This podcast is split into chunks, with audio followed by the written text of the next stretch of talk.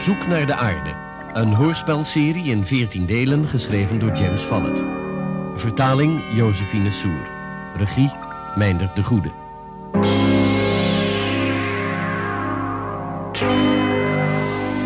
Deel 13. De centrale dictatuur.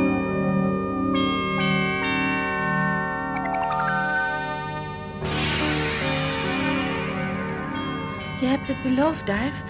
We gaan nooit meer terug naar het gedeelte dat gecontroleerd wordt door de engelen. Nou goed dan. Maar we moeten wel hierover praten samen. Wat gaan we doen? We gaan eerst maar slapen. Ik ben nou echt doodmoe. Natuurlijk. Ik moet goed op jullie tweeën passen. Ja, toch? Misschien zijn we wel met z'n drieën.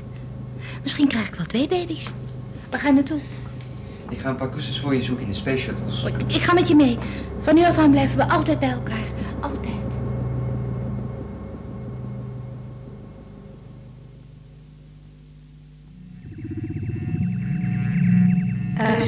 Gevonden, nummer 2.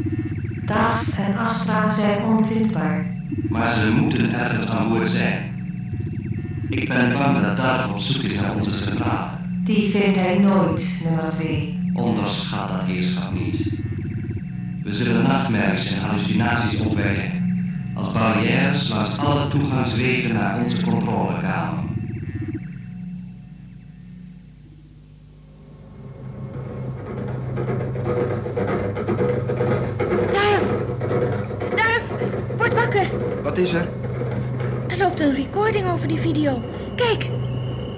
Maar dat is onmogelijk. Je hebt gelijk. Stofwolken of zoiets? Ja, maar net waren het geen stofwolken. Het was een kudde dieren die op hol was geslagen op, op een soort van vlakte. Het moet een video van de aarde zijn. Maar hoe kan dat nou? Er zit geen videoband in de machine. Ze werden achterna gezeten door een kleiner beest. Kijk, het stof is gezakt. Zie je wel? Is geen video van de aarde, Astra. Dat kan niet. Kijk naar de kleur van die hemel. Dat heb ik maar één keer in mijn leven gezien. Het is een video van paradijs, hè? Ja. Weet je het weer? Ja, nu wel. De hemel, het gras. Ik herinner het me weer allemaal. Het was in de bibliotheek en jij stond naast me. Opgenomen in het jaar 72 van de grote opdracht door de bemanning van de tweede generatie. Zij hebben paradijs aanbevolen als geschikt voor kolonisatie. Het ziet er zo toch is het geen videotape, vreemd, hè? Misschien is het een soort replicator, een ding dat alleen maar herhaalt. Als we gaan zoeken vinden we vast het apparaat zelf. Ik zal hem nu maar afzetten. Weet je zeker dat jij dat ding ook niet hebt aangezet? Hoe kan dat nou? Ik sliep. Jij hebt me wakker moeten maken. Als het maar niet Engel 1 en 2 zijn die weer eens een smerig spelletje met ons spelen. Ik haat ze. Ze hebben ons altijd in de gaten. Ik wil weg, ik wil weg van boord. Astra, ik zweer dat ze geen controle hebben over dit gedeelte van het schip. En als ik hun centrale kan vinden, hebben ze helemaal geen controle meer over dit schip.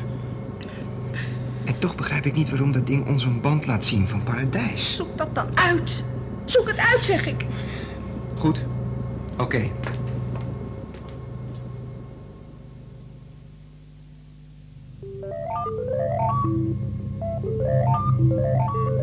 Uitstekend, Engel 2. Alles functioneert goed. We hebben dus vast kunnen stellen dat we zo nodig ook zonder Darf en Astra het schip tot grote snelheid kunnen opvoeren. Toch wil ik het vertrek uit dit zonnestelsel nog even uitstellen.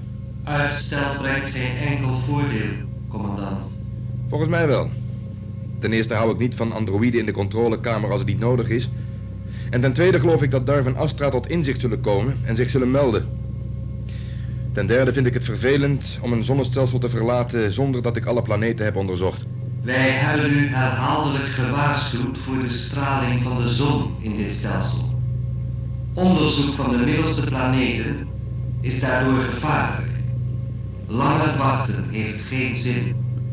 Ik ben de commandant van de Challenger, Engel 2. En ik zeg dat we wachten.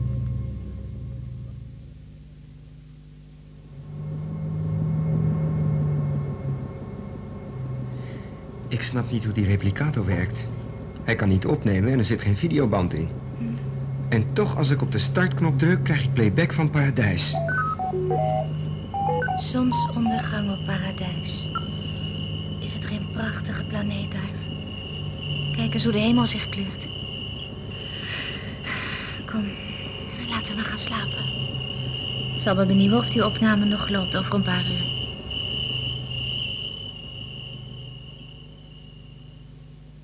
Oké, daar gaan we weer. Maar ik betwijfel of het dingen nu nog steeds doet.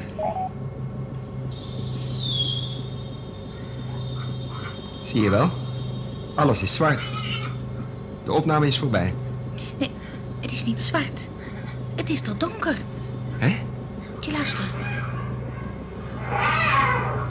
Begrijp je het nou? Het beeld is er nog steeds. Maar het is nacht op paradijs.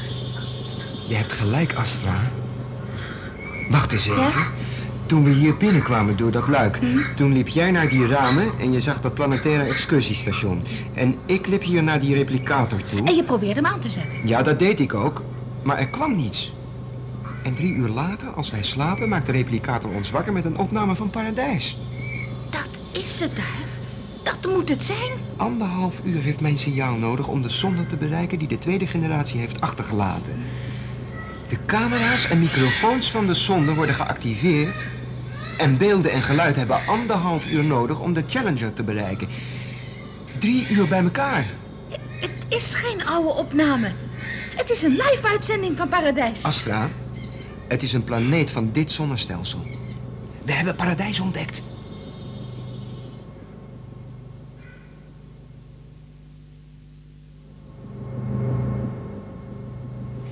En hier zijn de controlepanelen om regen op te wekken voor het gewas. En hier... Ja, oké, oké. Ik heb het nou al gezien, Darf. Nee, dat heb je niet, Telsen. Met deze werkplaats is het mogelijk om een hele planeet te reguleren en bewoonbaar te maken. Maar voor Paradijs hadden ze dit allemaal niet zo nodig. Paradijs was al perfect. De tweede generatie heeft alleen maar een zonde achtergelaten. Geen androïden, geen graafmachines, niets. Omdat de tweede generatie bemanning het allemaal niet de moeite waard vond. Maar je hebt de beelden toch gezien van de oppervlakte, Telsen? Dieren, gras, bomen. De engelen liegen als ze zeggen dat de binnenste planeten blootstaan aan een levensgevaarlijke straling. Waarom zouden ze? Omdat ze niet willen dat we dichter bij paradijs komen. Ze zijn bang dat die planeet ontaan staat en dat we er willen gaan wonen. Zij, de engelen, willen de aarde vinden omdat ze willen heersen over een hoogontwikkelde wereld. Man, denk toch na. Ik ben je toch niet voor niets gaan halen om je dit allemaal te laten zien? Ik kan de Challenger niet in gevaar brengen door hem in een baan vlak om die zon te brengen. Ik kan niet tegen het advies van de beschermengelen ingaan. Ja, als het alleen om ons ging. Maar denk ook eens aan Sherna en Astra. Astra verwacht een baby. Ze wil van dit schip af. Want ze verdenkt de engelen ervan dat ze het kind aan hun macht willen onderwerpen. Dus Sherna had gelijk. Ze vermoeden al dat Astra zwanger was. Maar hoe kunnen de engelen dan toch een baby aan hun macht onderwerpen? Precies zoals ze dat met ons gedaan hebben, Telsen. Alles is met opzet gedaan. Ik heb steeds geroepen dat de grote meteorietinslag geen toeval was. Ach, je klets maar wat. Ze wilden de controle over dit schip. Dat lukte niet bij de tweede generatie, dus hebben ze gewacht tot er een derde generatie was. Wij. Toen hebben ze de meteorietschilden uitgeschakeld en een hele tweede generatie uitgeroeid. Ja, uitgeroeid. En wij moesten navigeren volgens hun wensen. Dat is speculeren wat je doet. Maar twee dingen zijn er misgelopen. Ten eerste was de schade aan de Challenger veel groter dan ze hadden gewild.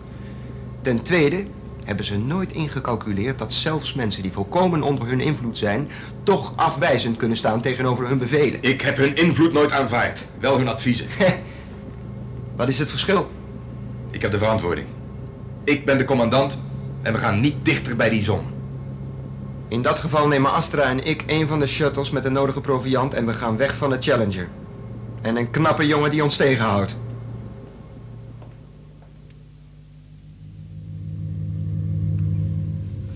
Maar je moet ze dat beletten. Ik zou niet weten hoe, Sharna. Ik kan Darv en Astra niet vasthouden tegen hun wil. Zover gaat mijn macht niet. Jij hebt helemaal geen macht meer als er tegen je gestemd wordt. Wat bedoel je? Ik heb de statuten van de Challenger weer eens goed doorgelezen. Jij kunt alleen commandant zijn en blijven als je de steun hebt van de meerderheid. Daar is een geheime stemming voor nodig, te houden in tegenwoordigheid van de voltallige bemanning. Deze hele procedure treedt in werking als er een motie van wantrouwen wordt ingediend tegen de commandant. Zoals Darf in feite heeft gedaan. Maar dat gold toch alleen in de dagen toen de Challenger een bemanning van 500 koppen had? Er staat in de statuten niets over aantallen. Er staat alleen de voltallige bemanning. Dus, wat ga je dan nu doen? Ik ga een buitengewone vergadering bijeenroepen van de voltallige bemanning. Hier, in de controlekamer.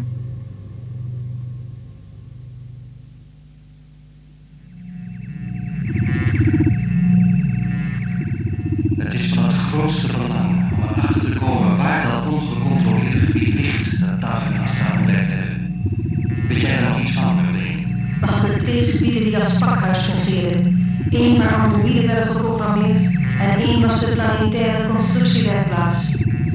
Bij de werkplaats was ook een excursiestation voor zes bemande space shuttles. Bemande space shuttles. Dat zal het zijn, hè? Als dat waar is, dan dreigt er gevaar nummer twee. De planetaire constructiewerkplaats is op dezelfde verdieping als onze centrale.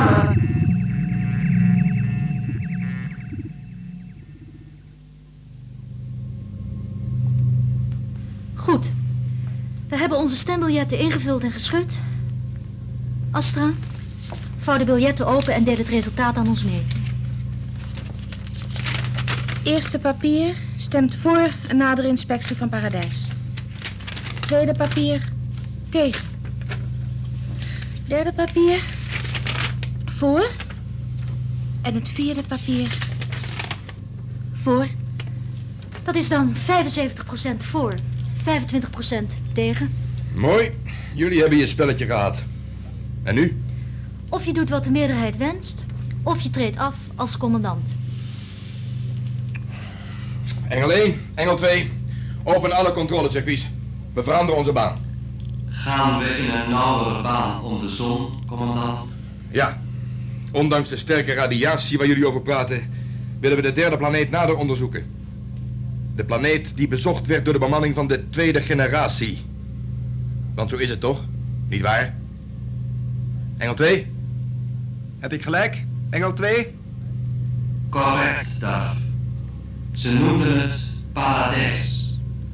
Commandant Sinclair verklaarde dat Paradijs geschikt was voor kolonisatie. Ik ben blij dat je het eindelijk toegeeft, Engel 2. Toch is Paradijs niet zonder meer geschikt voor kolonisatie. Behalve de sterke straling waaraan hij is blootgesteld, bestaat hij uit zeer veel meren waarvan het water niet drinkbaar is. Hoewel er een aantal rivieren zijn met fris water. En Boven. toch gaan we er naartoe. En we blijven er. Ik weet niet wat er met ons zal gebeuren. Maar mijn baby wordt niet geboren aan boord van de Challenger.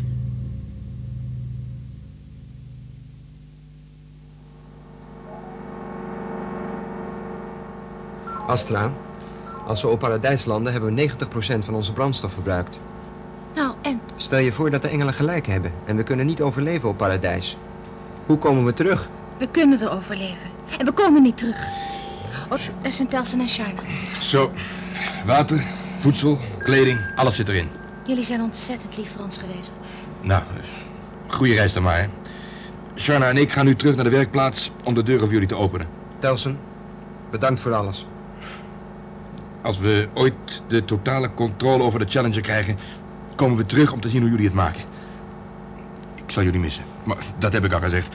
Kom op, Sharna. We moeten dat controlepaneel leren bedienen. Schiet op. Dag, Astra. Het beste.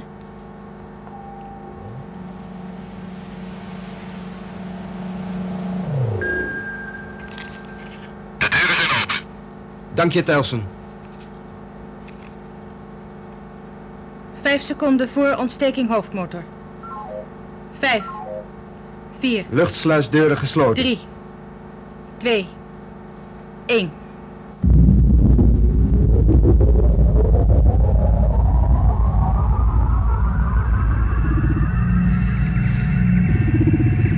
Hun shuttle is los van de Challenger, nummer 2.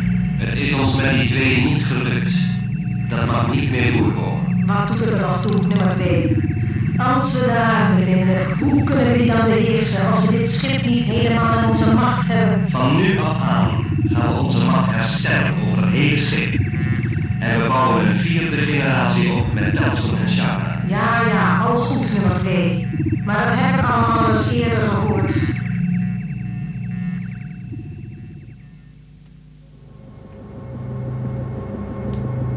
Telsen aan Shuttle.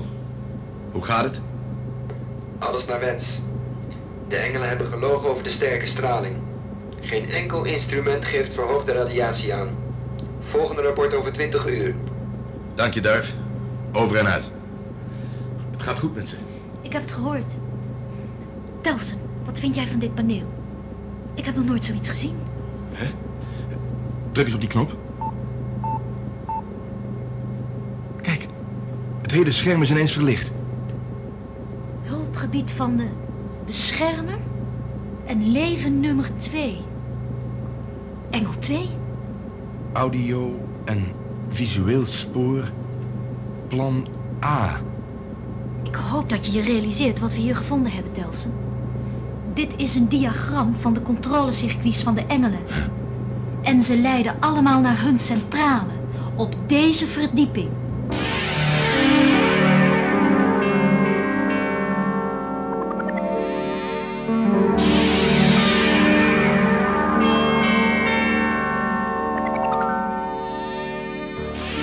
U hebt geluisterd naar het dertiende deel van Op zoek naar de aarde. U hoorde de stemmen van Hans Hoekman, Angelique de Boer, Trudy Libosan, Hans Dagelet, Maria Lindes en Ad Hoeymans. Techniek Henk Brouwer en Henk van der Steeg, regie Meender de Goede.